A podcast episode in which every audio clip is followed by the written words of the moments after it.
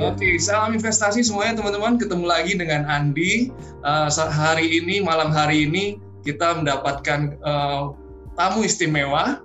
Bukan hanya untuk podcast kali ini, kita berbentuk Zoom webinar, uh, yaitu teman saya dan kolega saya dan juga uh, senior saya, yaitu Kak Resa Sigaraki. Ya, saya kasih gambaran sedikit latar belakang tentang beliau. Beliau ini uh, lulusan sarjana hukum dari uh, Universitas Erlangga ya, pada saya. Iya. Erlangga di Surabaya, jadi ya Jawanya juga lumayan bisa nih. Dan beliau ini lulusan S2 juga di Universitas Indonesia, ya untuk uh, jurusannya uh, hubungan internasional ya Pak Reza ya, betul ya? Nah, bukan bukan, Sekolah Kajian Strategik dan Global, prodinya Kajian Amerika. Oke, nah itu wah. Jadi uh, strategi kajiannya khusus di Amerika Serikat ya? Ya. Oke, terima kasih Pak atas kedatangannya dan um, tentunya kita ingin belajar banyak dari Pak Reza pada malam hari ini tentang kebijakan Trump ya kan dan Joe Biden seperti apa seperti yang saya tadi sampaikan di latar belakangnya bahwa ekonomi apa, apa apa pun yang terjadi di Amerika Serikat itu akan berdampak terhadap dunia. Ya pemilu nanti siapa pun presidennya apakah Trump akan terus jalan akan terpilih kembali atau apakah Joe Biden yang akan menang di pemilu nanti di November 3, kita akan melihat perubahan yang besar akan terjadi di uh, global dalam segi ekonomi ataupun politik.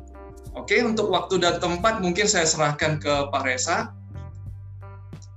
Saya akan share screen untuk bahannya, boleh Pak? Boleh, silakan.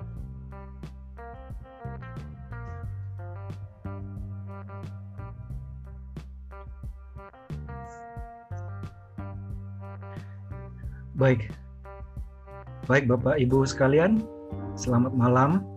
Terima kasih sekali untuk sudah datang pada malam hari ini di dalam podcast kawan baik saya Bung Andi Chandra di mana kita akan berdiskusi bersama perihal kebijakan-kebijakan atau haluan ekonomi dari dua nomini presiden Amerika, Donald Trump dan Joe Biden Nah, juga kita akan mungkin secara singkat uh, melihat juga uh, implikasi-implikasi politis dan uh, kawasan khususnya untuk konteks kita di Indonesia.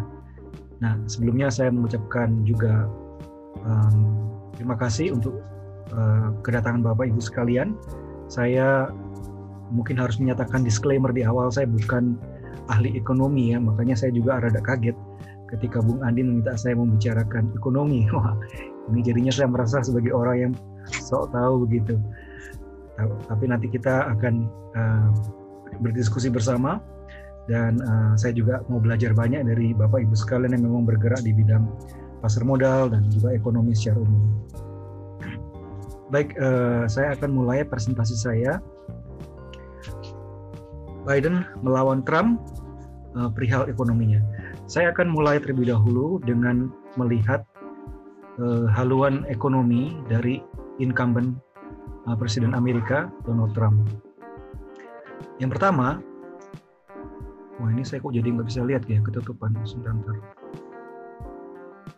Ya, yang pertama, polisi ekonomi dari Trump adalah dia dari sejak term pertama menjabat presiden dia memang sudah membuat satu policy alternatif dari Affordable Care Act atau juga sering dikenal dengan nama Obamacare yang merupakan undang-undang perihal uh, kesehatan masyarakat di mana uh, po policy yang Trump mau kerjakan adalah dia meminta para perusahaan asuransi untuk berlomba-lomba memberi harga dan pelayanan terbaik di bidang kesehatan. Dan ini memang satu kebijakan yang berbeda kalau dibandingkan dengan uh, haluan berpikir kaum Partai uh, Demokrat di mana mereka itu menginginkan adanya sentralisasi bagi healthcare di mana bukan lagi harga dan produk itu disediakan oleh perusahaan swasta melainkan mereka menginginkan bahwa semua itu disentralisasi di tingkat government Nah, kita bisa diskusikan ya apakah kebijakan uh, Demokrat ini baik atau justru itu menam, itu seperti mencirikan sifat negara sosialis begitu ya. Sedangkan kan Trump ini kelihatan sekali sangat kapitalis begitu ya.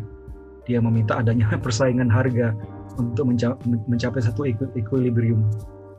Nah itu dari segi uh, healthcare.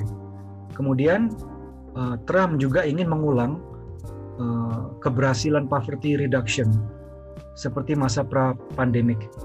Jadi Bapak Ibu sekalian, um, pada tahun 2019 administrasi Trump berhasil menghilangkan 4,2 juta orang dari tingkat garis kemiskinan. Dan ini adalah satu prestasi yang menurut saya sangat fenomenal. Kalau tidak salah dalam 50 tahun terakhir, inilah tingkat uh, poverty reduction uh, kedua tertinggi dalam 50 tahun terakhir. Yang paling tinggi itu pernah dilakukan kalau tidak salah ingat oleh Presiden uh, Lyndon Lyndon B Johnson dengan angkanya 4,7 atau 4,8 juta orang naik dari garis uh, kemiskinan. Nah, Trump ingin sekali kalau dia bisa menang dalam term kedua, dia ingin mengulang uh, prestasi ini dan bahkan kalau bisa menyalip daripada uh, kinerja Presiden Lyndon B. Johnson. Uh, yang ketiga, terkait coronavirus, Trump ingin mendanai pembuatan vaksin uh, coronavirus senilai 300 miliar US dollar sampai Januari 2021. Dia ingin sekali bahwa vaksin itu harus dibuat di Amerika dan harus selesai awal tahun depan. Dan ini sedikit menciptakan konflik di dalam administrasinya karena departemen yang mengurusi masalah ini CDC merasa bahwa uh, tidak bisa uh, kaum ilmuwan itu dikasih tenggat harus selesai seperti itu. Karena membuat vaksin itu adalah perkara yang kompleks dan rumit. Tapi ini adalah keinginan Trump untuk sesegera mungkin bisa men, diseminasi vaksin uh, made in America kepada rakyatnya sendiri. Kemudian uh, untuk itu dia memberikan investasi senilai 1,3 triliun US dollar bagi pembangunan pusat kesehatan untuk tuju tujuan pencegahan dan penanganan korban COVID-19. Trump ingin benar-benar agar masalah pandemi ini selesai setuntas-tuntasnya dan sesegera mungkin. Itu adalah keinginan dia yang yang begitu besar. Tujuannya apa, Bapak Ibu sekalian? Tujuannya adalah karena dia juga ingin membuka lalu lintas ekonomi sesegera mungkin dan menghasilkan tingkat employment uh, seperti masa pra pandemi. Uh, Trump juga bisa menghasilkan apa namanya uh, uh, lapangan pekerjaan yang begitu fenomenal yang sangat tinggi sebelum uh, masa pandemi. Dan yang yang lebih hebat lagi bahwa dalam pencapaian pembukaan lapangan pekerjaan ini sekaligus dia mencatat satu rekor lain yaitu bahwa pembukaan lapangan pekerjaan itu menghasilkan juga tingkat pengangguran kaum kulit hitam yang paling rendah dalam sejarah. Nah, jadi itu mungkin akan menjadi satu counter bagi Trump untuk membalas tudingan dan tuduhan kaum Demokrat bahwa dia adalah seorang rasis. Dia akan kemudian bisa berkata, tunjukkan kepada saya presiden kulit putih yang bisa menghilangkan tingkat unemployment di kalangan black community yang seprima saya. Oleh karena itu Trump ingin uh, melakukan uh, ini ya, membuka kembali lalu lintas ekonomi secepat mungkin. Kemudian uh, dia ingin menutup Planned Parenthood. Planned Parenthood itu basically adalah satu lembaga uh, bagi aborsi ya, yang dibentuk oleh uh, Presiden Obama dan didanai.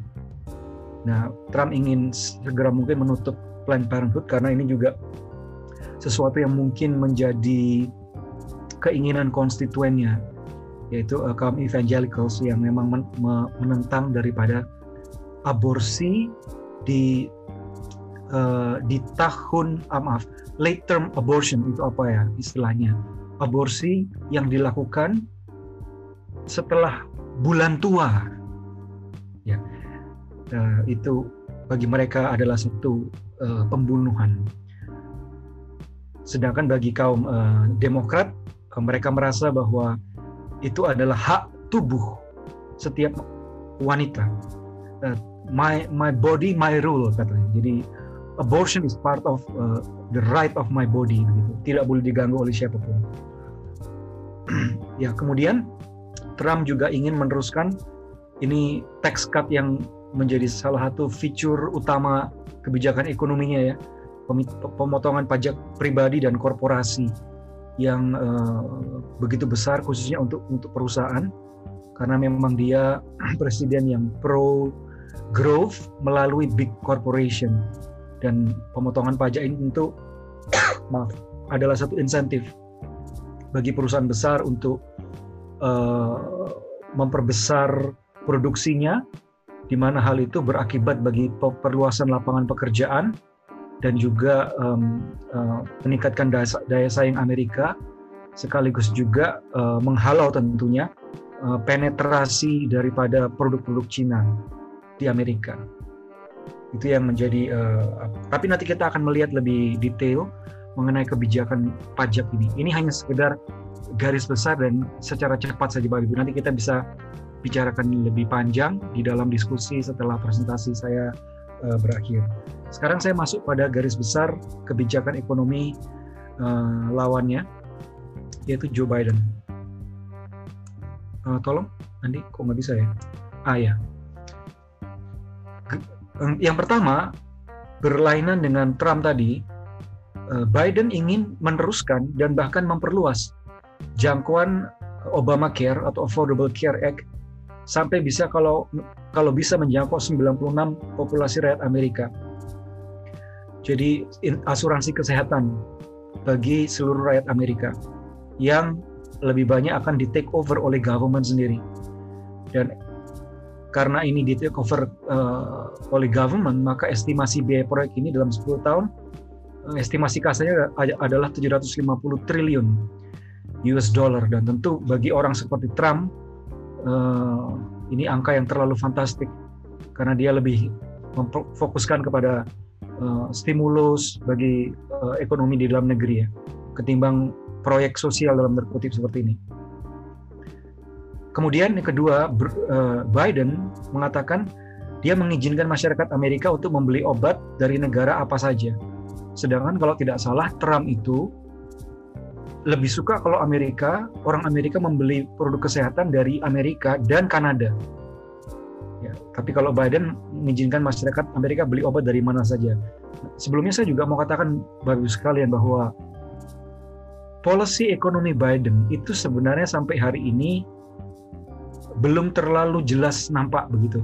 Sebabnya kenapa? Kalau menurut saya Biden bukan seorang yang terlalu menekankan aspek politik jadi selama dia menjadi politisi sudah mungkin 40 berapa ya 45 tahunan uh, track recordnya menunjukkan bahwa ekonomi tidak pernah menjadi isu paling penting dalam karirnya. Yang dia paling pentingkan itu adalah masalah social justice, ya, termasuk di, dal di dalamnya uh, soal apa namanya pengangguran, kemudian ketimpangan pendapatan, dan juga isu-isu tentang politik luar negeri atau, foreign policy. Oleh karena itu mungkin yang menyebabkan uh, tidak dilihatnya secara kuat doktrin dan haluan ekonomi dari Biden selama masa kampanye. Yang mungkin bisa dilihat dari dia itu adalah hanya sekedar polisi-polisi ekonomi yang bersifat tandingan dari polisi yang sudah digariskan dan dikerjakan oleh Trump.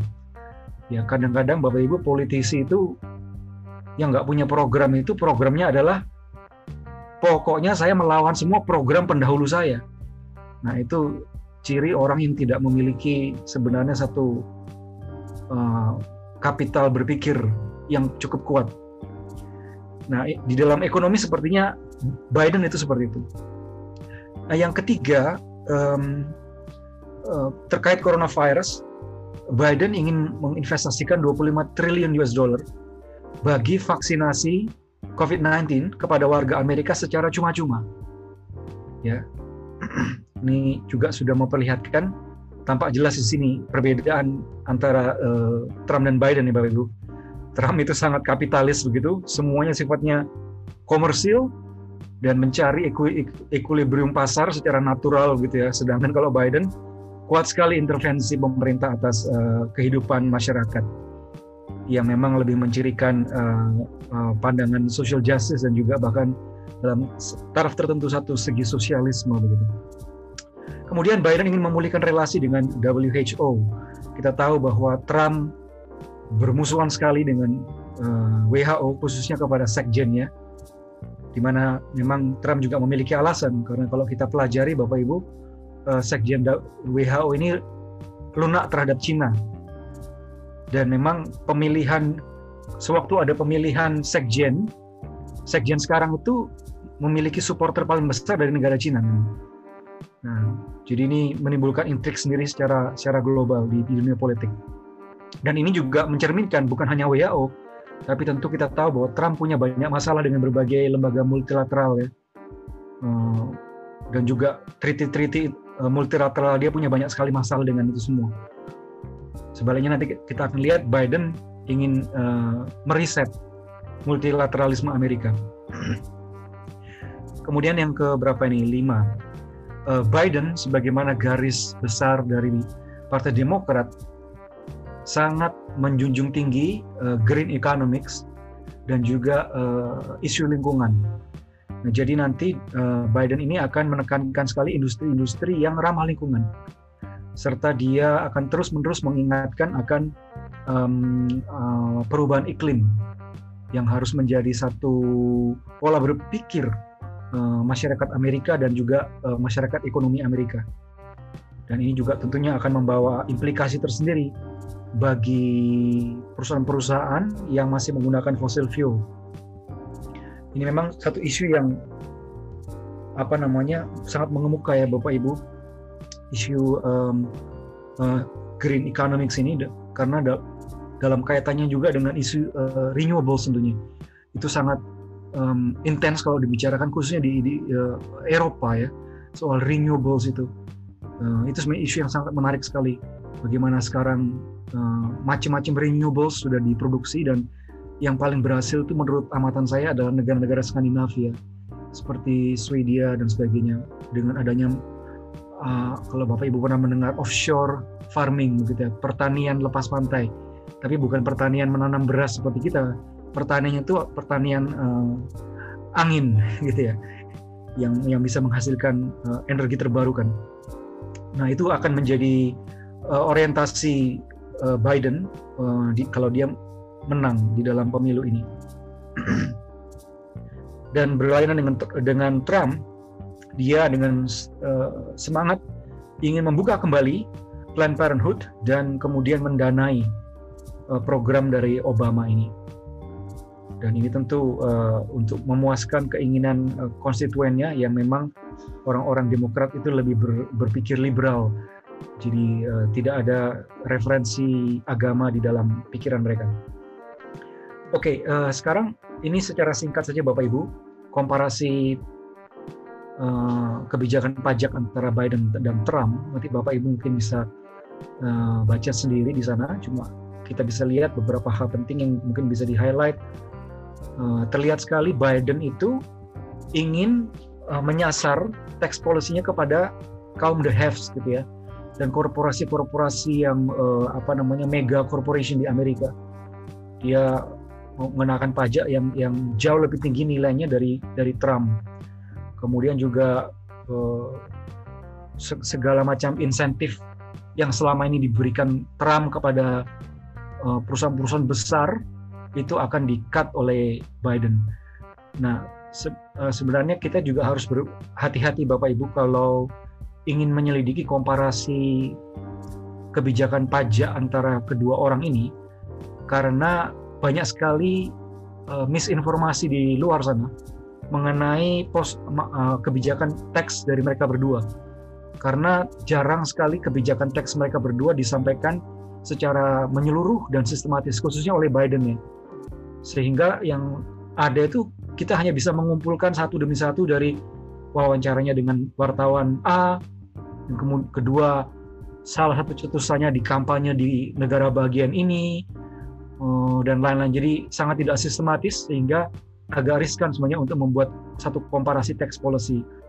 Tapi ini mungkin hanya sekedar satu gambaran umum uh, bagi kita untuk bisa melihat uh, secara makro komparasi tax policy dari kedua tokoh ini. Yeah, next. Nah, sekarang saya coba untuk mengajak Bapak Ibu melihat secara umum uh, garis besar geoekonomik dari Joe Biden. Pertama, dia beberapa kali dalam kampanyenya mengatakan uh, haluan politik luar negerinya adalah bagi kelas menengah Amerika. Nah, ini kalau kita pikirkan pelan-pelan, saya khawatir maknanya adalah dia merupakan eh, dia ingin membuat satu garis kebijakan yang sifatnya anti neoliberalisme yang yang uh, dikerjakan oleh Trump tentunya uh, dan juga bahkan oleh uh, Obama dan dan Clinton dan Bush begitu ya. Jadi maksudnya adalah politik luar negeri Amerika itu harus pertama-tama melayani kepentingan domestik Amerika dalam hal ini khususnya kaum kelas menengahnya bukan kaum the haves-nya. Nah, jadi kalau begitu ini bagi saya beda-beda tipis Bapak Ibu dengan model isolasionisme protektif dari Trump. Ya, di mana um, kita tahu uh, global economic policy dari Trump itu adalah uh, isolasionis, isolasionisme, proteksionisme guna melindungi kepentingan domestik. Ya. Dan uh, apa yang uh, Biden katakan ini bagi saya adalah bisa dibilang turunan dari uh, politik ekonomi proteksionisme Trump semuanya. Jadi bagi saya tidak tidak tidak berbeda di sini. Cuma bedanya kata middle class itu. Ya, kalau Trump tidak menyebut middle class, ya. tapi Biden sebagai seorang sosialis dia menyebutnya.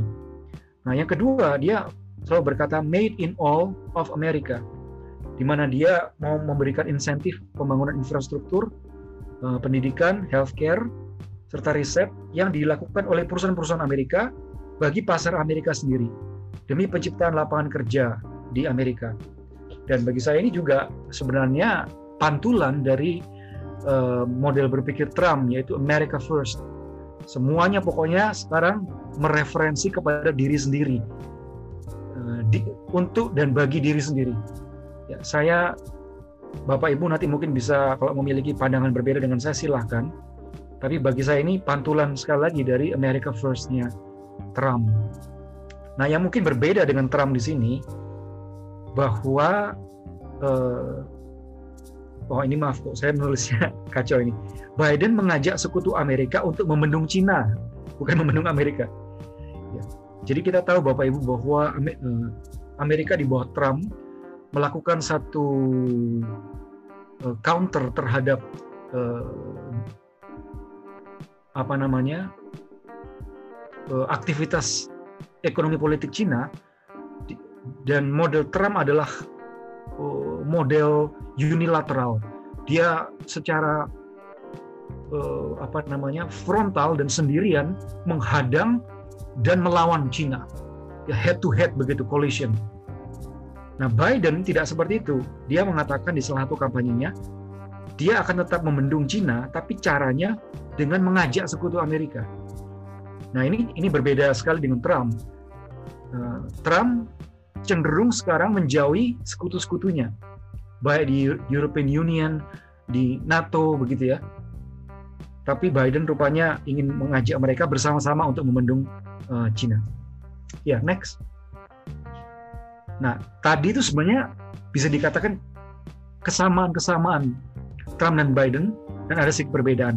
Nah, sekarang saya ingin memperlihatkan kes, uh, kesamaan mereka berdua yang lebih lebih jelas lagi. Yang pertama, mereka berdua mendukung mereka mendukung orang-orang uh, orang -orang yang kehilangan pekerjaan akibat uh, wabah COVID-19.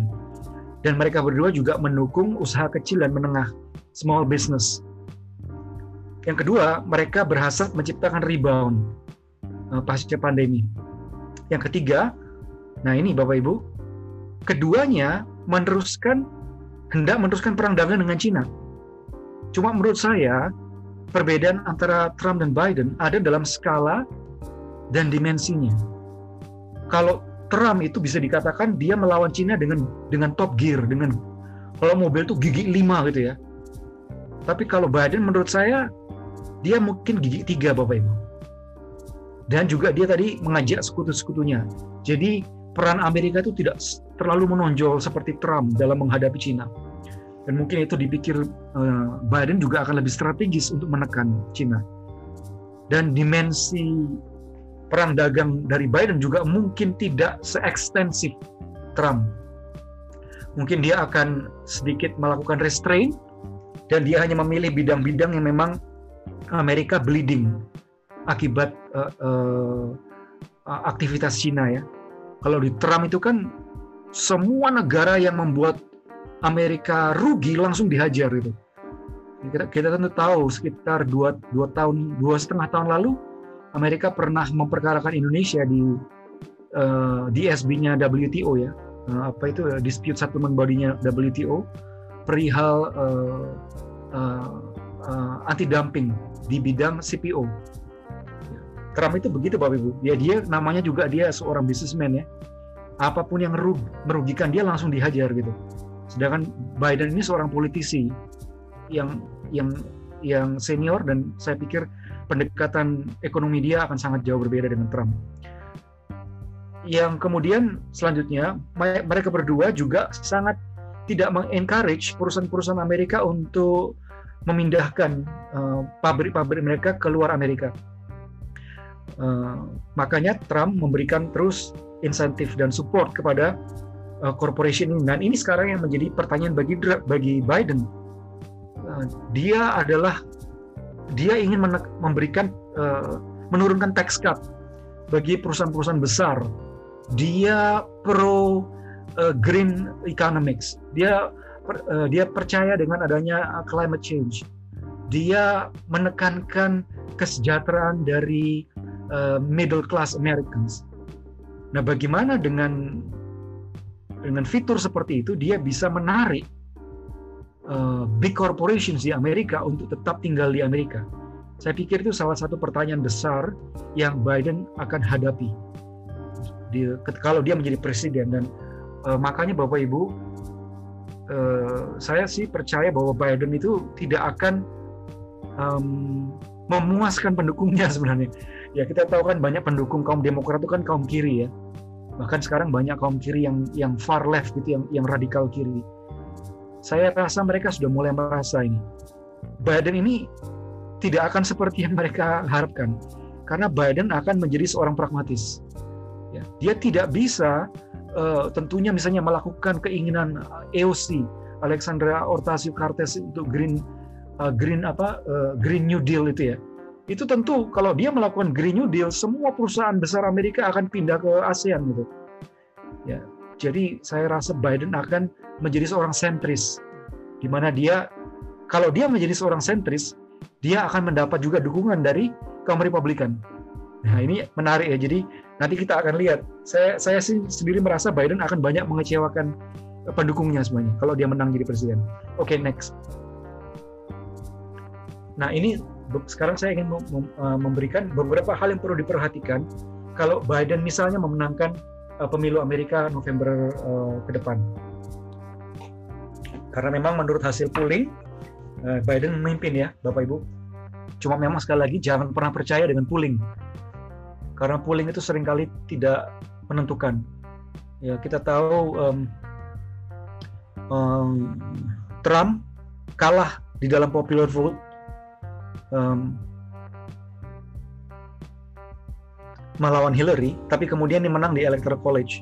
Itu juga dialami dulu oleh uh, Presiden uh, George Bush. Dia kalah di uh, popular vote melawan Al Gore, ya uh, polling dia kalah, eh dia menangnya di di uh, Electoral College dan lebih parah lagi dia harus waktu itu menang lewat via putusan pengadilan ya karena negara terakhir yang memberikan kemenangan itu uh, Florida uh, waktu itu angkanya dihitung mengalami berapa, berapa kali revisi perhitungan uh, voting di di Florida itu. Jadi ya walaupun Biden sekarang memimpin polling, tidak perlulah kita terlalu memberikan konsentrasi berlebih kepada hasil itu.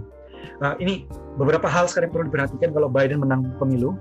Pertama, kita harus mengawasi Bapak Ibu kalau ada potensi gelombang kedua dari wabah COVID-19 dan juga dampak ekonomi politiknya. Uh, diharapkan tentunya uh, COVID ini bisa teratasi dengan dengan uh, model V. Jadi begitu hit the rock bottom, dia akan naik dan pulih secara sempurna itu V. Maaf. Tapi bisa juga yang ditakutkan itu adalah W. W itu uh, sembuh sakit lagi, uh, sembuh ada second wave lagi. Ya, itu itu yang ditakutkan. Dan juga yang ditakutkan itu adalah K, Bapak Ibu. K itu apa? K itu adalah pemulihan ekonomi yang unequal di antara states.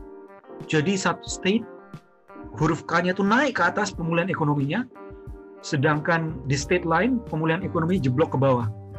Nah ini uh, tiga kemungkinan di dalam potensi gelombang kedua wabah COVID-19 yang perlu diperhatikan oleh siapa pun pemenang dari pemilu bulan depan. Yang kedua bagi Biden, saya merasa dia harus benar-benar bisa menangani tekanan-tekanan dari partainya sendiri. Uh, khususnya sayap radikal kiri di Partai Demokrat seperti Bernie Sanders dan Elizabeth Warren. Uh, juga Orta, uh, Alexandra Ocasio-Cortez yang menjadi sangat populer dua tahun ini.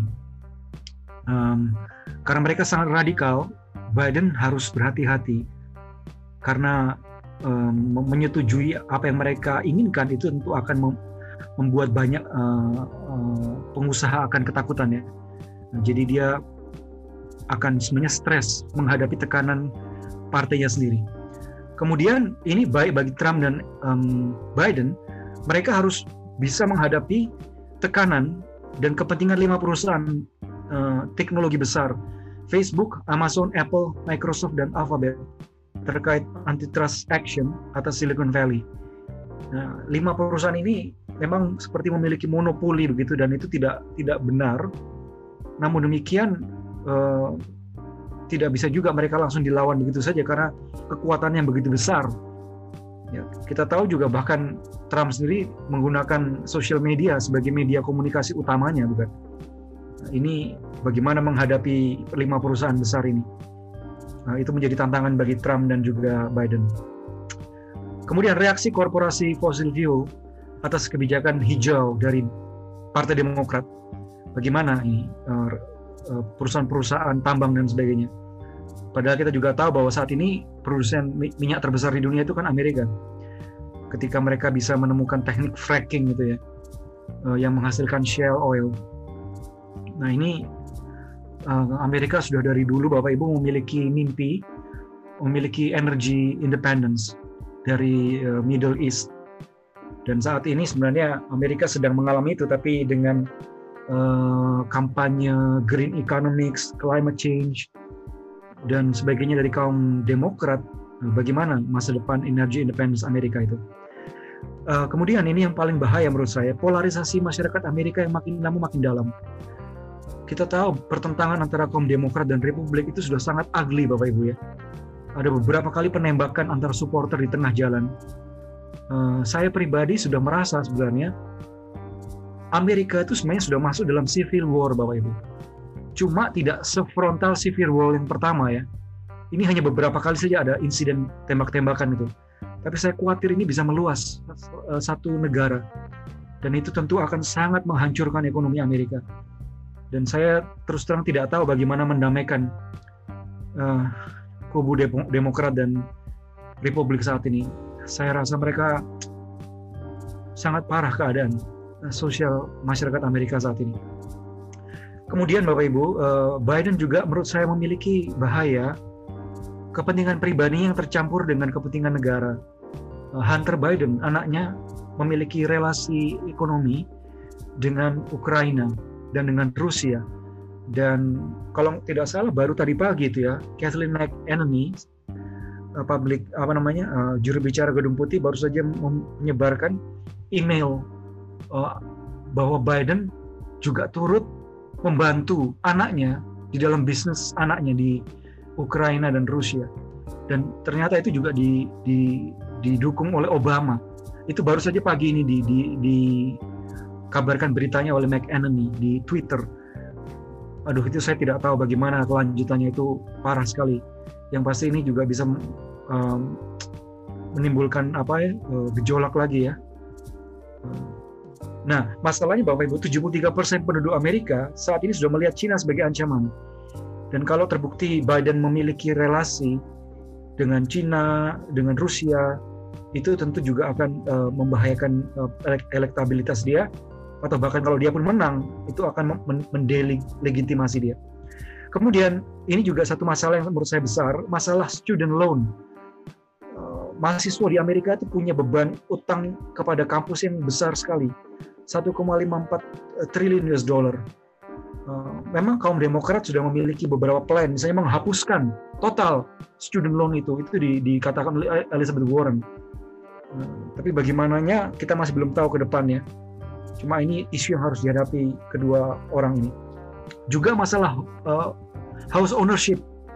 Uh, bayangkan Bapak Ibu, Anda baru lulus S1, Anda punya hutang let's say 40 ribu US kepada kampus Anda jangan bagaimana mungkin kita bisa bisa beli rumah gitu untuk bayar hutang aja nggak tahu bagaimana caranya dengan gaji seorang apa namanya fresh graduate gitu ya nah, ini juga masalah yang yang pelik bagi kedua kandidat presiden. Kemudian terakhir adalah relasi terhadap sekutu-sekutu tradisional Amerika EU eh, e NATO NAFTA dan sebagainya. Baik next. Nah bapak ibu menurut saya salah satu juga hal yang paling penting yang perlu diperhatikan Trump dan Biden adalah bahwa dunia saat ini masuk ke dalam era era Asia. Sudah banyak buku yang bicara soal hal itu, cuma bagi saya yang paling menarik dari era Asia itu adalah RCEP Bapak Ibu. Ini adalah uh, perjanjian free trade antara seluruh negara Asia ditambah dengan uh, enam negara lain seperti Cina, New Zealand, uh, Australia, uh, dan sebagainya. Dan RCEP ini akan menjadi the next big thing secara global. Jadi Bapak Ibu tolong perhatikan benar-benar RCEP ini ya. Ini akan menjadi hal yang paling besar di dunia. Mungkin bagi saya ya selama satu, dua, tiga tahun ke depan Kenapa demikian? Coba kita lihat sedikit Bapak Ibu. Coba next. Ya, uh, anggota-anggota RCEP itu uh, potensi uh, dia memiliki 38% ekonomi dunia itu ada di dalam uh, seluruh anggota RCEP ini. Dan mereka menghasilkan 29% dari total perdagangan dunia. Nah, ini yang menarik Bapak Ibu. Saya mendapatkan data dari seminar Dr. Siswo Pramono dari BPPK Kemenlu ya, bahwa total perdagangan Uni Eropa ke Amerika itu lebih kecil dari total perdagangan Uni Eropa ke RCEP. Sama juga, total perdagangan Amerika ke Uni Eropa eh, jumlahnya lebih kecil dari total perdagangan Amerika ke eh, anggota-anggota RCEP. Jadi bisa dikatakan baik eh, European Union dan Amerika sama-sama tahu bahwa hubungan perdagangan dengan RCEP itu yang lebih lebih penting dari semua. Ya. Nah, kemudian Bapak Ibu pada pertemuan Menteri-menteri Keuangan ASEAN pada 9 September lalu disepakati bahwa ASEAN akan melakukan integrasi dengan RCEP dan hal itu akan diratifikasi pada bulan November depan ini. Cuma India kemudian menarik diri. Nah, jadi uh, di sini ASEAN dan RCEP akan uh, terintegrasi menjadi satu dan itu menjadi satu uh, komunitas ekonomi yang paling besar di dunia yang akan menjadi perhatian negara siapa pun di dunia. Itu adalah signifikasi dari RCEP. Ya, next. Hal kedua yang perlu diperhatikan tentunya kalau kita bicara Asia adalah masalah geopolitik di Indo-Pasifik. Ya, ini terkait terkait masalah agresi Cina di Laut Cina Selatan yang memancing Amerika untuk masuk ke uh, Indo-Pasifik sekarang dan menggandeng India dan Jepang sebagai partnernya untuk melawan Cina. Dan di sinilah Bapak Ibu arti penting dari ASEAN. ASEAN lah lembaga multilateral yang akan menjadi bridge antara Cina dan uh, Amerika. Dan negara paling penting di ASEAN adalah Indonesia. Belum belum. Jadi Bapak Ibu, uh, Indonesia akan bagi saya menempati posisi yang sangat penting ke depan ini terkait masalah geopolitik Indo-Pasifik. Terbukti bahwa Amerika melalui Menteri Luar Negerinya telah membangun satu kantor baru yang bernama US Mission to ASEAN. Nah, kantornya di Jakarta. Dan itu menunjukkan bahwa sekarang nih Trump menyadari arti penting Jakarta. Ya kalau dulu kayaknya enggak ya. Kalau Obama iya, Indonesia penting bagi dia. Trump tidak, tapi malah menjelang pemilu ini Trump melihat oh iya ini sekarang salah satu sentral uh, apa namanya perhatian kita di Indo-Pasifik itu adalah Indonesia. Indonesia masuk di dalam ASEAN dan juga ASEAN masuk di dalam RCEP itu menjadi nilai strategis bagi negara kita. Yang terakhir Bapak Ibu yang ingin saya sampaikan mengenai hubungan Indonesia dan Amerika, saya melihat yang paling penting saat ini adalah adanya windfall. Ya kita tahu bahwa uh, pandemi ini uh, satu kemalangan, tapi juga menciptakan kesempatan, Bapak Ibu. Amerika mengenakan tarif sebesar 24% kepada Cina, dan itu artinya negara-negara lain mendapatkan peluang. Dengan pertengkaran kedua negara ini, negara lain mendapat peluang. Ya, negara-negara lain itu tarifnya hanya 16%, termasuk Indonesia. Nah, ini data yang saya dapat dari Pak Siswo Pramono dari BPPK Menlu di dalam seminarnya. Total perdagangan Indonesia dan Amerika dari Januari sampai Mei 2020 mencapai 10,75 miliar US dollar. Dan ini adalah surplus perdagangan tertinggi kedua negara sejak 9 tahun.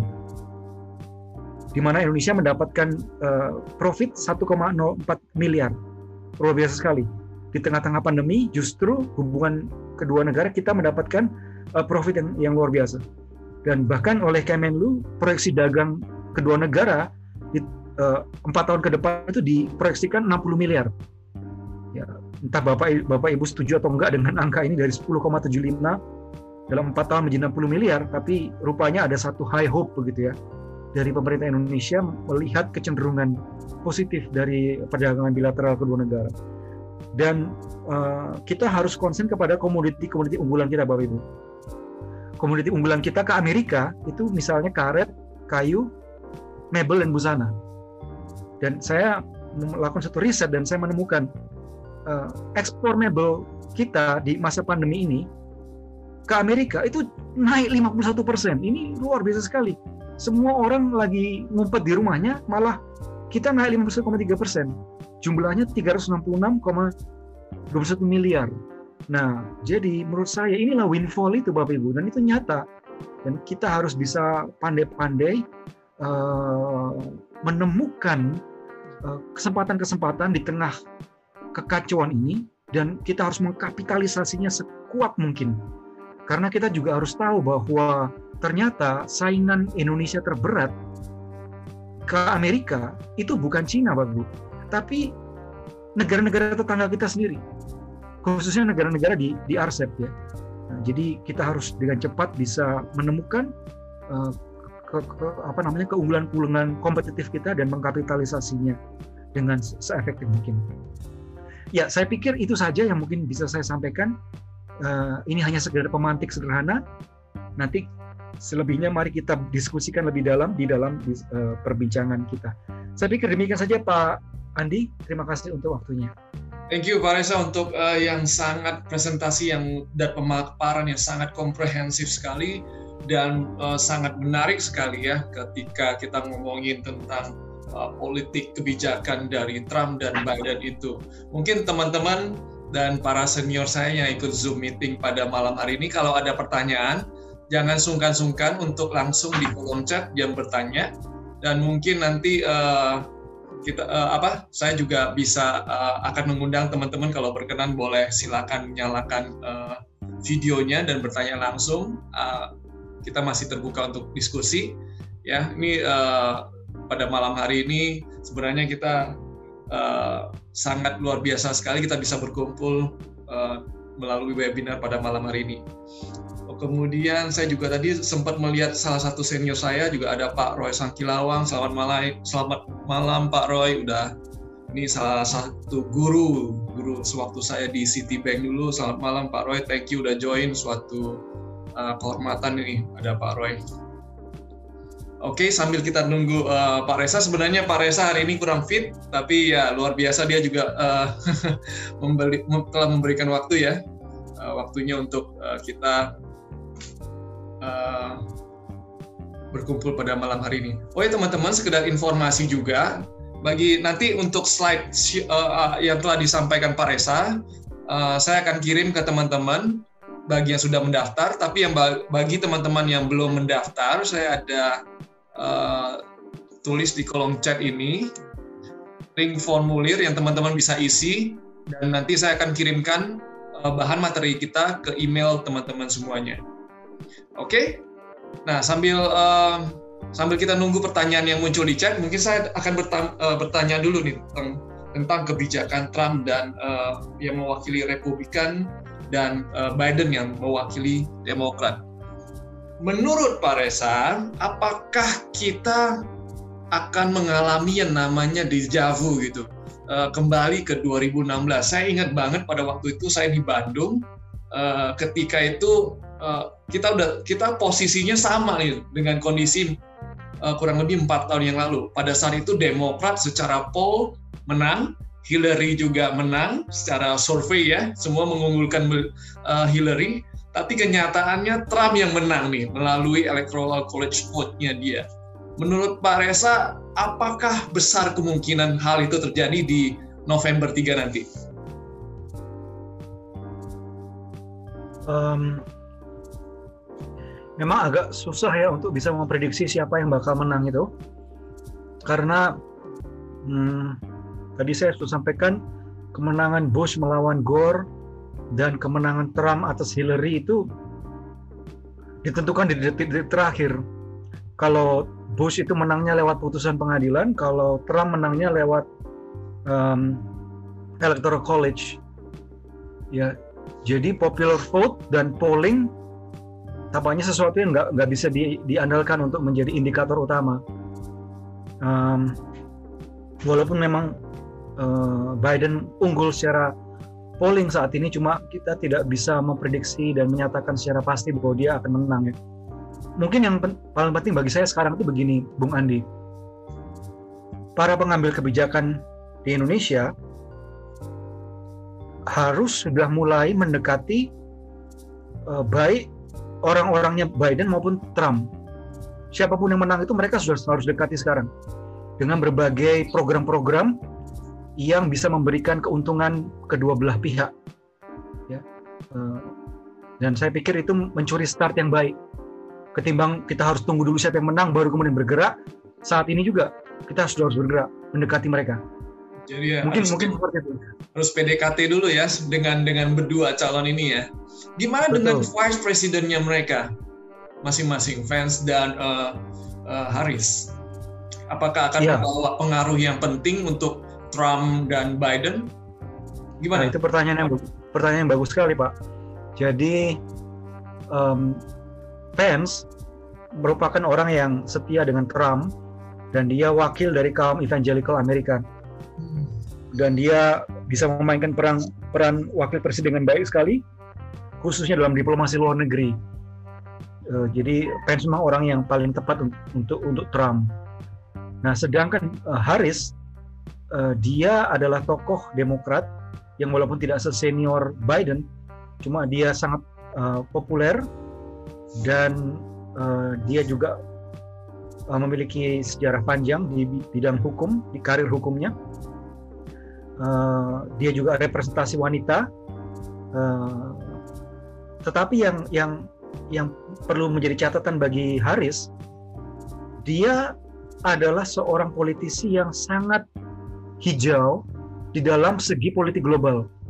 Dia hampir tidak memiliki uh, wawasan bahkan mengenai politik global itu. Dan ini bisa menjadi uh, apa namanya liability bagi bagi Biden kalau uh, dia mesti mengutus Harris ke forum-forum internasional. Jadi mungkin nanti yang akan lebih sering pergi ke luar negeri itu si Biden, sedangkan si Harris disuruh menjaga kandang saja gitu.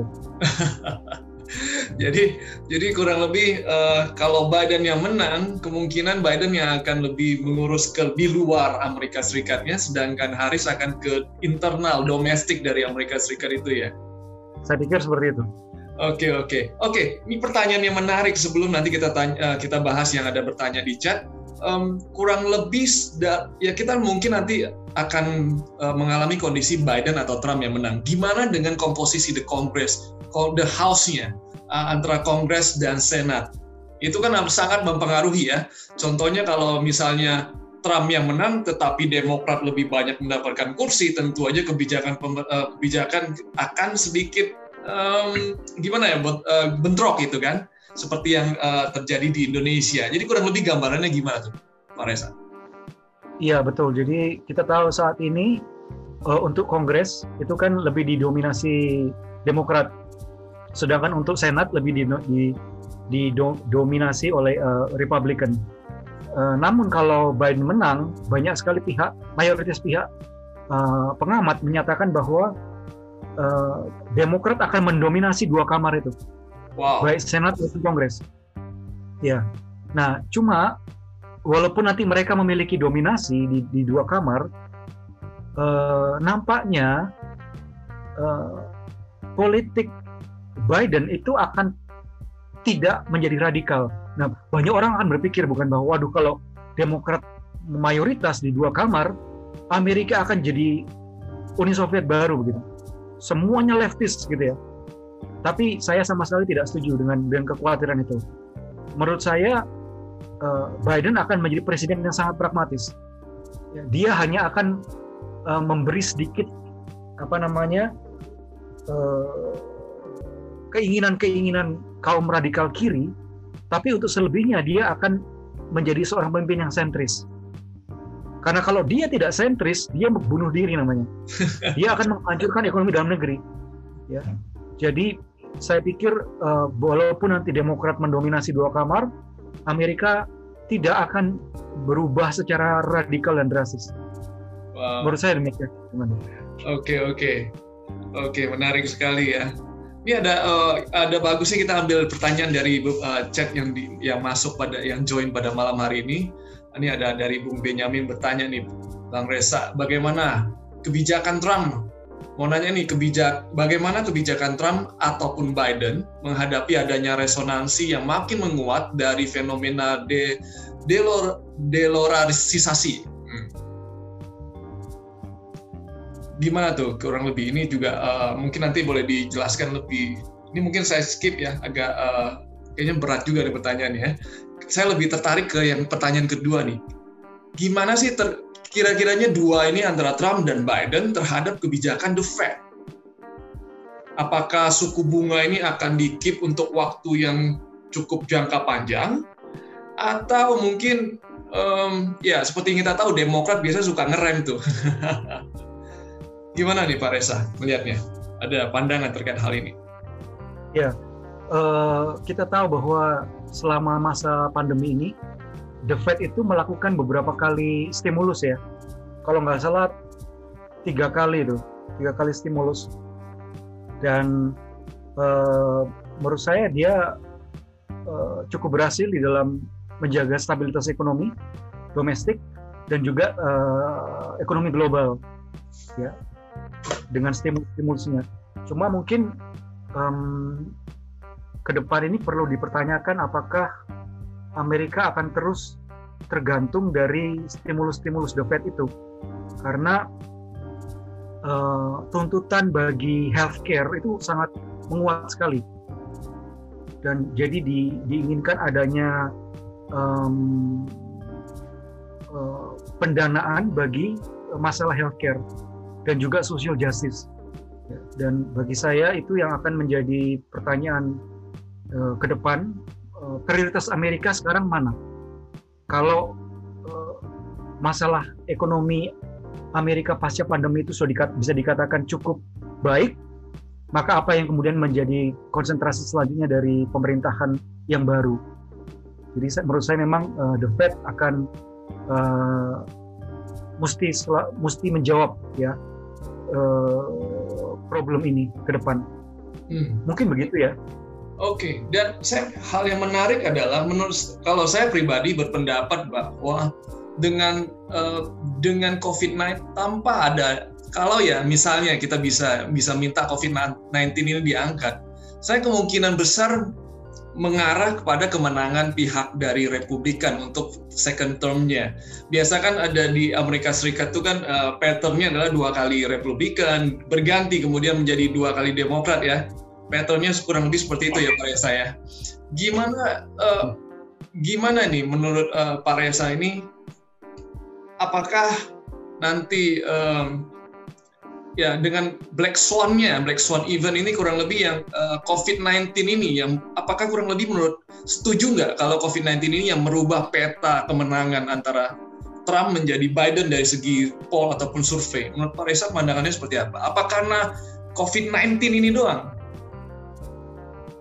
Ya, uh, memang COVID ini merubah segala sesuatu ya, khususnya Trump.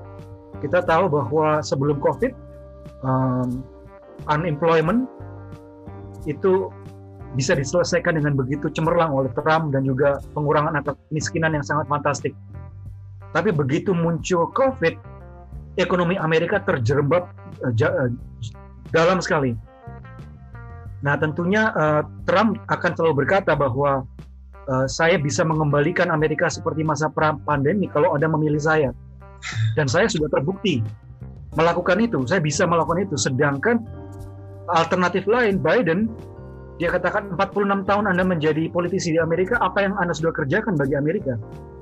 Anda sama sekali politisi yang belum terbukti selama 46 tahun. Kenapa rakyat Amerika harus membuat resiko dengan memilih orang yang tidak membuktikan diri sama sekali dibandingkan dengan saya? Hanya gara-gara COVID ini sekarang kami nyungsep gitu. Tapi kalau ini kami bisa rebound, maka saya bisa kerjakan hal yang sama lagi. Jadi memang uh, yang seperti Bung Adi katakan, COVID memang menjadi isu yang uh, ya apa namanya yang yang yang penting sekali ya bagi kedua orang ini. Mungkin begitu Bung Adi. Gitu ya. Nanti mungkin kita ada undang juga salah satu uh, audiens yang boleh uh, bertanya langsung dengan Pak Reza ya. Tapi sebelum kita masuk ke ke, ke audiens dulu, ada pertanyaan yang menarik terkait tadi uh, Regional Comprehensive Economic Partnership seberapa signifikankah benefit untuk Indonesia itu sendiri itu, kalau uh, antara Biden atau Trump yang menang nanti, Pak Reza? Oh, oh, kalau Biden atau Trump yang menang, apa apa untungnya bagi Indonesia begitu ya? Iya, kurang lebih apakah uh, sebelumnya mungkin lebih ngarahnya kalau Trump yang menang terhadap RCEP itu apakah dia akan mengeluarkan kebijakan yang lebih seram ataukah Biden dia mungkin oke okay, kita akan rangkul atau seperti apa tuh? Ya, ya ini pertanyaan yang menarik sekali, Bung Andi. Um, saya yakin Biden itu akan tetap melakukan perang dagang dengan Cina, cuma dalam skala yang lebih rendah dari Trump. Uh, dan saya juga yakin Biden akan lebih internasionalis ketimbang Trump Hmm. Karena dia ingin merangkul kembali uh, dunia yang sudah dicampakkan Trump begitu ya. Oke. Okay. Nah, kalau itu memang betul, maka pasti uh, Indonesia juga akan menjadi perhatian bagi Biden. Mengingat tadi saya sudah sebut dua alasannya, integrasi ASEAN ke dalam RCEP dan Indonesia sebagai negara paling penting di dalam ASEAN. Dalam konteks RCEP dan dalam konteks untuk membendung uh, agresi teritorial Cina di Laut Cina Selatan. Hmm. Uh, saya yakin um, Biden akan lebih mendekati Indonesia, walaupun uh, saya juga bisa katakan Trump uh, sudah mulai mendekati Indonesia dan nanti kalau dia terpilih menjadi presiden misalnya, saya juga yakin um, uh, relasi Trump dengan Indonesia akan lebih lebih terbuka ketimbang periode yang lalu. Oke. Okay. Karena kita nampaknya sama sekali nggak ada hubungan dengan Amerika kan saat ini. Tapi kelihatannya kok uh, sepertinya kalau Biden yang menang, Indonesia mendapatkan banyak lebih banyak manfaat ya sepertinya Pak Reza. Uh, Enggak juga. Ya. Kurang lebih ya, karena kan lebih internasional ataupun negara-negara lain sel eh, selain Indonesia kan, mungkin China juga happy, mungkin uh, ekonomi China dengan Biden terpilih uh, mungkin akan lebih berkembang, mungkin pencekalan-pencekalan ataupun kejadian-kejadian perebutan uh, hak paten teknologi juga nggak akan se seramai sekarang ya. Benar kurang lebih gitu gambarannya? Not really? Nah, ini, ini memang susah ya Bung Bung Andi karena uh, apa namanya Amerika uh, uh, Trump itu melawan Cina digerakkan oleh sebab utamanya adalah kerugian-kerugian yang Amerika derita ketika mereka berhubungan dengan Cina di tataran global. Sedangkan Biden itu marah ke, kehadap, terhadap Cina oleh salah satunya adalah karena intellectual property rights. Oke, okay. wow. Ya. Jadi menarik juga ya. Dia, ya dan dan masalah dumping. Nah jadi makanya menurut saya Biden ini juga nggak jangan juga terlalu dianggap akan menjadi baik dengan Cina ya. Uh, ya jadi saya saya juga masih semuanya bingung ini memetakan Biden itu saya agak bingung karena seperti di satu sisi dia dia ramah dengan Cina, tapi di sisi lainnya juga menyimpan bom-bom yang dia mau lempar ke Cina juga gitu. Oke, oke. Jadi dua-duanya ini sebenarnya mengincar China ya secara nggak langsung dan tentunya efeknya karena eh, kita juga ekspor kita terhadap China kan eh, ke China kan lumayan besar juga ya dalam segi hal komoditas kan. Jadi ya apa pun ya. yang terkait dengan uh, dua negara ini sebagai negara adidaya dalam segi ekonomi ya tentunya akan mempengaruhi Indonesia juga nanti pada uh, pada ujung-ujungnya juga kan ya. Nah, itu menarik sekali. Wah, jadi kalau Biden itu lebih mengincar hak intelektualnya, sedangkan dari Trump itu lebih ke trade uh, uh, tradingnya ya, bisnis ya. Ya. Trading ya, betul, betul. yang minusnya itu yang lebih besar ya dibandingkan uh, ekspor dan impornya kan ya. Betul, oh, betul, jadi betul. Uh, iya kita saya pikir uh, Trump lebih uh, ke depannya mungkin Biden akan lebih santai terhadap trade war ternyata enggak juga kayaknya. Wow, wow, ini menarik sekali. Ini info yang sangat uh, menarik sekali ini kita saya dapatkan pada malam hari ini. Oke, okay, mungkin kita uh, beralih ke um, gimana nih? Uh, keberatan nggak kalau Pak uh, Pak Surya nih uh, senior saya nih boleh boleh menyalakan video dan uh, boleh bertanya langsung nih. Ya, saya juga ingin dengar dari Pak Surya nih. Halo Pak Surya, ada orangnya? Halo, ya. Oke, gimana Pak Surya? Silakan kesempatannya. Oke, uh, thank you Pak Reza. Saya ingin tanya ya, sejauh ini hubungan Indonesia dengan US, kalau menurut pengamatan Pak Reza, selama masa Trump ini, uh, so far gimana? Apakah dengan penunjukan ada dubes baru ya, uh, Pak Lutfi ya, untuk ya, uh, Amerika Serikat ya, apakah akan betul. berpengaruh banyak?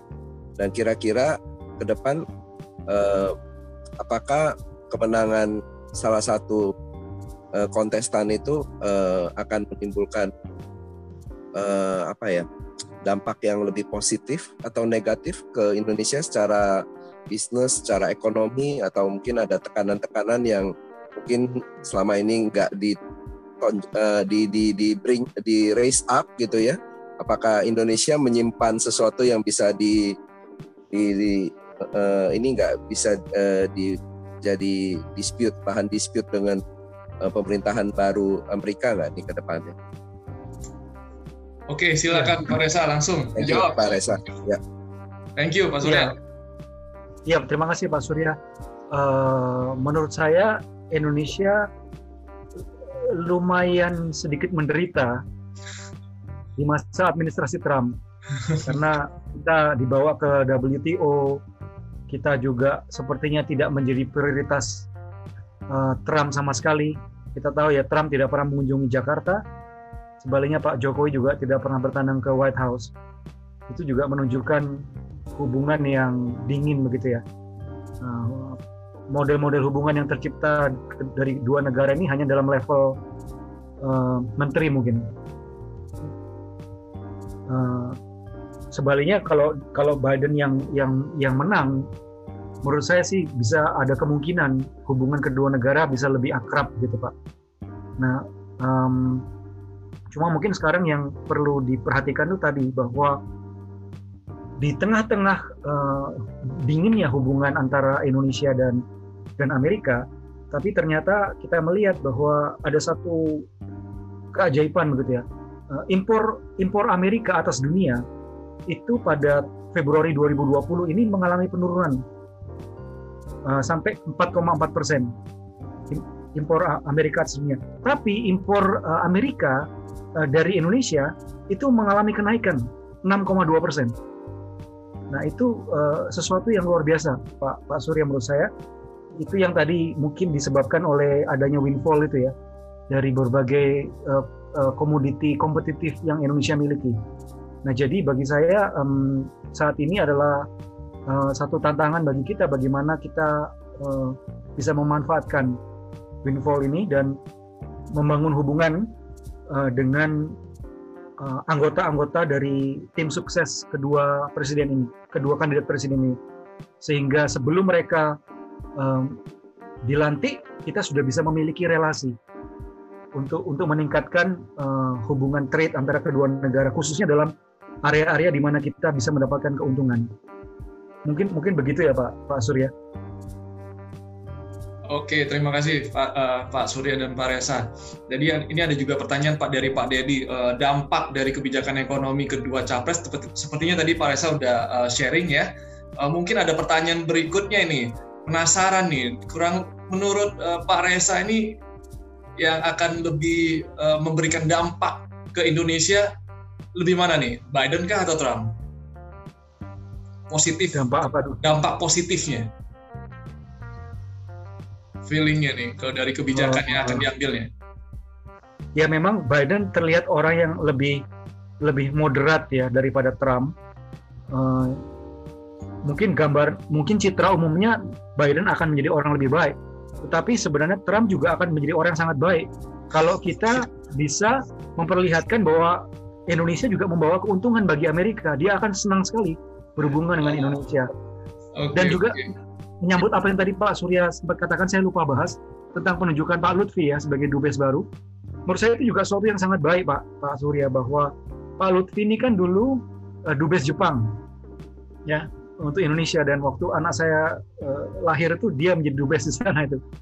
Uh, dan oleh karena itu menurut saya Pak Lutfi memiliki memiliki kepekaan untuk berhubungan dengan Amerika karena Jepang merupakan sekutu terdekat Amerika ya. Jadi Pak Lutfi tahulah psikologi pemerintah Amerika itu seperti apa. Dan bagi saya itu akan menjadi nilai tambah bagi Indonesia dalam diplomasi dengan Amerika untuk bisa mempersuasi pemerintah Amerika memiliki hubungan yang lebih hangatlah dengan Indonesia supaya jangan terlalu dingin seperti saat ini. Mungkin begitu Pak Surya. Oke, jadi uh, kurang lebih kalau si Trump ini lebih tipikal pengusaha ya. Kalau Indonesia yeah. bisa memberikan alasan yang bagus, tentunya ya Trump juga akan lebih uh, realistis dan lebih merangkul Indonesia ya. Jadi yeah. intinya kita harus cari cara buat menggiurkan atau gimana membuat Trump ini tergiur terhadap Indonesia akan potensi ekonomiknya nih. Sedangkan kalau yeah. Biden yang mungkin ya lebih dia akan merangkul pelan-pelan karena kan dia sifatnya ke internasional ya. Oke okay, oke. Okay. Yeah. Thank you thank you banget nih. Kemudian ada uh, beberapa pertanyaan lagi yang menarik. Kita, aduh, kita sebenarnya udah lewat dari jadwalnya. Kita, uh, kita boleh teruskan 5, 5 menit, 10 menit lagi, Pak Reza, boleh? Nggak keberatan? Boleh, boleh. Boleh ya? Wah, thank you banget ya. nih. Nah, ini ada juga uh, pertanyaan uh, terkait dengan uh, sebentar. Oke, okay, uh, ini ada uh, ada pertanyaan nih dari senior saya nih Pak Roy Sangkilawang. Pak Roy, sebentar saya unmute dulu. Gimana Pak Roy, sudah bisa? Selamat malam Andi, apa Selamat kabar? Selamat malam. Wah ini guru saya juga. Silakan Pak Roy untuk waktu dan tempat. Salam sehat Andi Salam dan sehat, juga kepada Pak Reza. Saya mohon Halo, maaf Pak tidak buka video karena sudah berpakaian mau siap tidur. ya, terima Terima kasih, menarik sekali. Memang saya sudah mendengar uh, dari penuturannya Pak Reza. Tapi saya ada beberapa pendapat nih Pak Reza ya. Um, karena saya juga ya, mengikuti tiap malam saya ngikutin uh, apa yang terjadi di Amerika lagi seru nih sekarang. Jadi memang kalau berdasar menurut saya pemilihan di Amerika ini sekarang bukan hanya karena faktor ekonomi saja, tapi kita harus juga lihat dari faktor-faktor yang lain juga. Ya, uh, dan uh, yang saya lihat adalah satu uh, tadi dikatakan memang uh, uh, ekonomi daripada Biden tidak jelas, ya. Tetapi saya pernah membaca pak dari namanya yang mengeluarkan Fortune kalau nggak salah Bidenomics, Bidenomics Oh iya iya, ya, economics majalah economics. Ya, dia dia dia bilang Bidenomics dan dia mengcompare. Jadi kemudian masalahnya ada ada di teksnya juga, ada macam-macam tuh Pak dan cukup jelas. Dan pandangan saya begini Pak, pandangan saya adalah uh, rancangan ekonominya Trump ini menguntungkan kelas atas. Betul, betul. Ya, nah seperti Republik juga kan lebih menguntungkan kelas atas ya. E, makanya dia akan cut teks itu luar biasa ya. Tetapi kalau Biden itu lebih menguntungkan rakyat kebanyakan ya. Ini uh, itunya Demokrat ya. Nah kemudian kalau soal kerjasama dengan foreign policy-nya ini berdasarkan yang saya baca ya Pak ya dan saya dengarkan gitu. Uh, Trump ini betul-betul memang maaf saya kalau saya katakan ini udah waduh apa American first dia nggak peduli seperti tadi juga Pak Reza bilang dia nggak peduli siapa pun dia lawan. Pokoknya Amerika first. Jadi istilahnya kalau saya pandangan saya ini agak egois nih. Kalaupun dia mau kerja sama dengan siapa pun dia akan bilang menguntungkan enggak buat saya? Ya bahkan sekutu-sekutunya juga dilawan menguntungkan kan buat saya? Tetapi kalau yang saya dengarkan dari kebijakan Biden segala macam dia lebih ke kolaborasi sebenarnya. Ya walaupun tadi Pak Reza juga bilang ya mungkin juga dia akan melawan Cina segala macam tapi strateginya lebih ke kolaborasi. Ini juga uh, uh, apa uh, Kamala Harris juga mengatakan gitu ya lebih kolaborasi kerjasama dan saya setuju saat-saat ini sekarang nggak ada satu negara pun yang bisa uh, berdiri sendiri. Kita harus berkolaborasi. Dan saya senang sekali dengan dengan uh, apa pada waktu ada apa pidato di uh, di PBB pidato di PBB semua negara termasuk Pak Jokowi juga pidato segala macam. Mohon maaf nih, beda sekali pidatonya uh, Trump dengan pidatonya Presiden uh, China, Xi Jinping. Dan saya sangat salut karena China itu betul-betul memang mau bekerja sama, ya. Dan dan dan sekarang yang saya lihat ketakutan Amerika sekarang terhadap China karena sudah ketinggalan Amerika. Sudah ketinggalan di segi ekonomi sebentar lagi juga akan di uh, apa dilibas oleh China segala macam dilewati maksud saya dilewati oleh China. Nah ini ketakutannya adalah karena sudah ketinggalan tapi bukannya bersaing tapi malah melawan, dilawan dengan trade war segala macam. Dan saya nggak tahu pak, saya bukan ahli di situ tapi I think that's not uh, strategi. Karena kalau Amerika melakukan itu terus makin lama makin dia ditinggalkan. Dan melawannya udah sangat kasar pak menurut saya. Dengan menahan direkturnya Huawei itu yang juga itu itu udah is is sangat rude lah, nggak nggak pada tempatnya lah, gitu ya. Nah, nah itu sih pandangan-pandangan saya Pak. Saya bukan membela siapa-siapa Pak ya, saya hanya mengamati saja. Saya hanya uh, berpikir bahwa siapa pun yang menang harus menguntungkan Indonesia, mesti maksudnya dalam arti kerjasama kita dengan Amerika lebih baik. Walaupun saya juga melihat politiknya Pak Jokowi ini nggak nggak condong ke Amerika, hmm. nggak karena dia sudah Freeport pun disikat dengan Jokowi. Ya. Menarik ini Pak Roy. Sudah... Kalau boleh saya tanya Pak Roy, Pak Roy lebih suka mana kira lebih? Kalau Trump yang menang kembali menang atau Biden nih? Penasaran okay. saya Pak Roy. Ah. Ah, gimana Pak? Sebenarnya gini, jawaban saya, this is not my my battle ya. This okay. is not my war. Okay, tapi, tapi kalau saya lihat pribadi saja, pribadi Ya, Anda tahu lah jawabannya ya, siapa. Kalau saya lihat pribadi, kelihatannya saya lebih condong ke mana?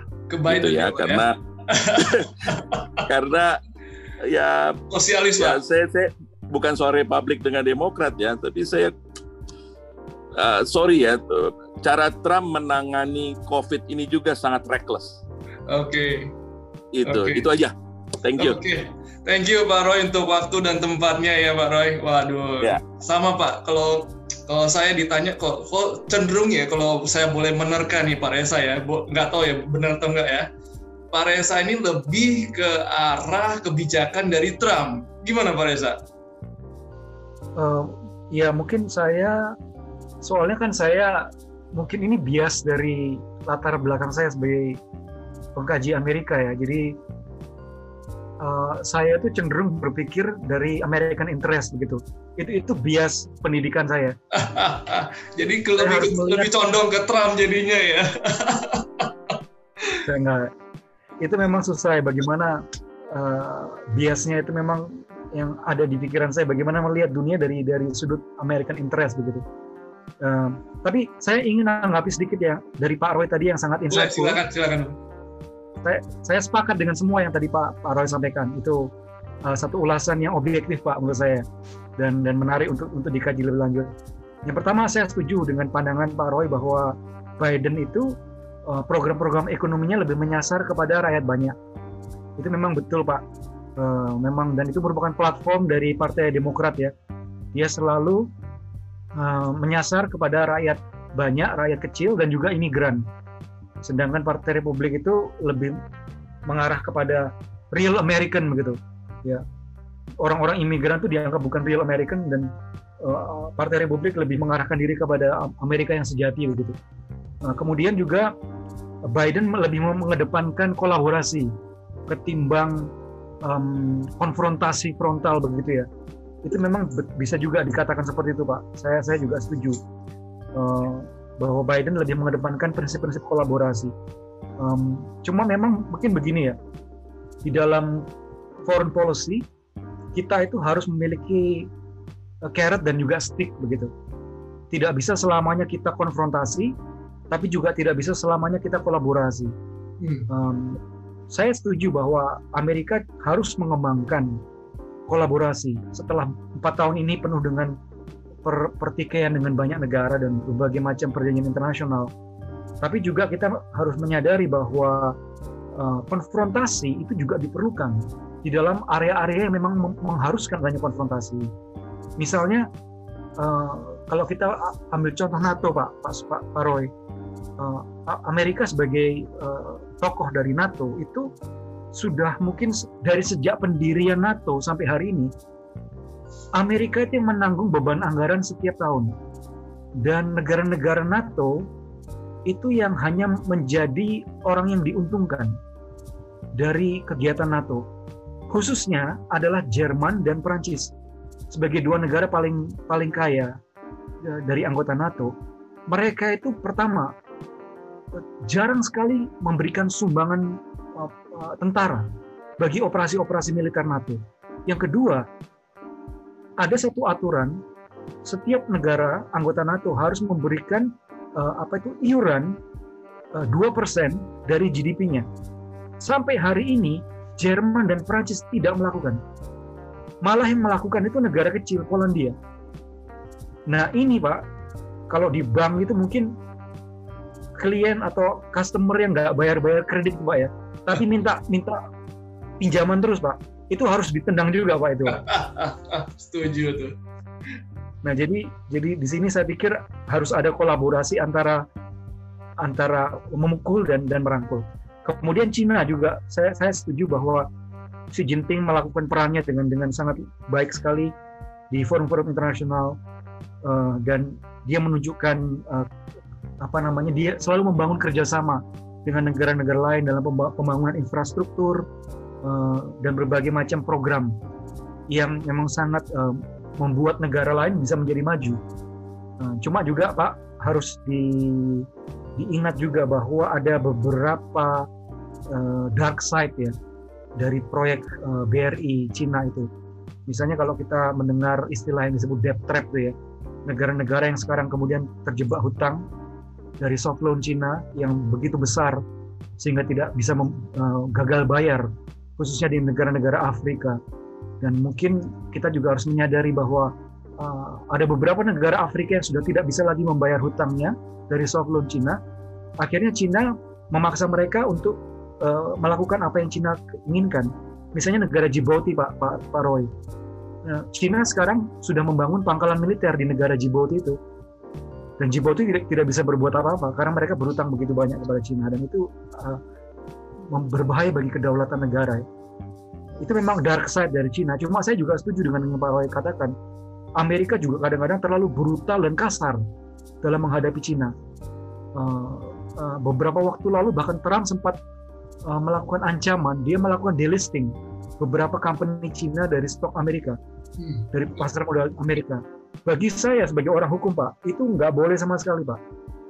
Itu akan merusak reputasi Amerika dari segi dari segi perdagangan internasional. Kalau sampai dia melakukan delisting, bagi saya itu nilainya sama dengan menasionalisasi perusahaan asing secara unilateral. Dan itu seperti dosa besar di dalam uh, ekonomi internasional ya. Jadi memang ini gimana ya? bagusnya tuh gini Pak Roy, kalau bisa ya Trump jadi presiden, Biden jadi wakilnya begitulah. Ah itu Supaya itu super banget ya. ya. jadi yang satu. Terima kasih untuk pandangannya Pak Roy. Terima kasih.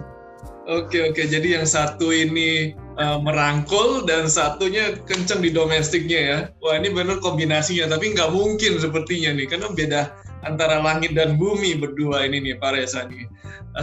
yeah. Oke mungkin karena udah waktu juga teman-teman uh, tanpa terasa kita sudah kurang lebih satu setengah jam berdiskusi nih. Wow, aduh ini sungguh luar biasa nih. Uh, sangat uh, sangat saya, apa saya sendiri senang banget bisa sharing dan mendapatkan banyak ilmu.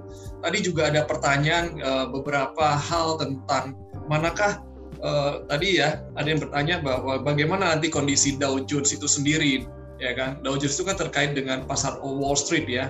Kalau menurut saya sih kebijakan Trump sekarang Wall Street ini akan lebih senang nih ya karena kan teksnya dikurangin ya tentunya ya seperti Microsoft, Amazon, uh, Apple ya kan dan Tesla dan yang lain-lainnya. Menurut saya sih mereka akan tetap mendapatkan keuntungan yang besar ketika uh, ya dari segi pajaknya ini dikurangin.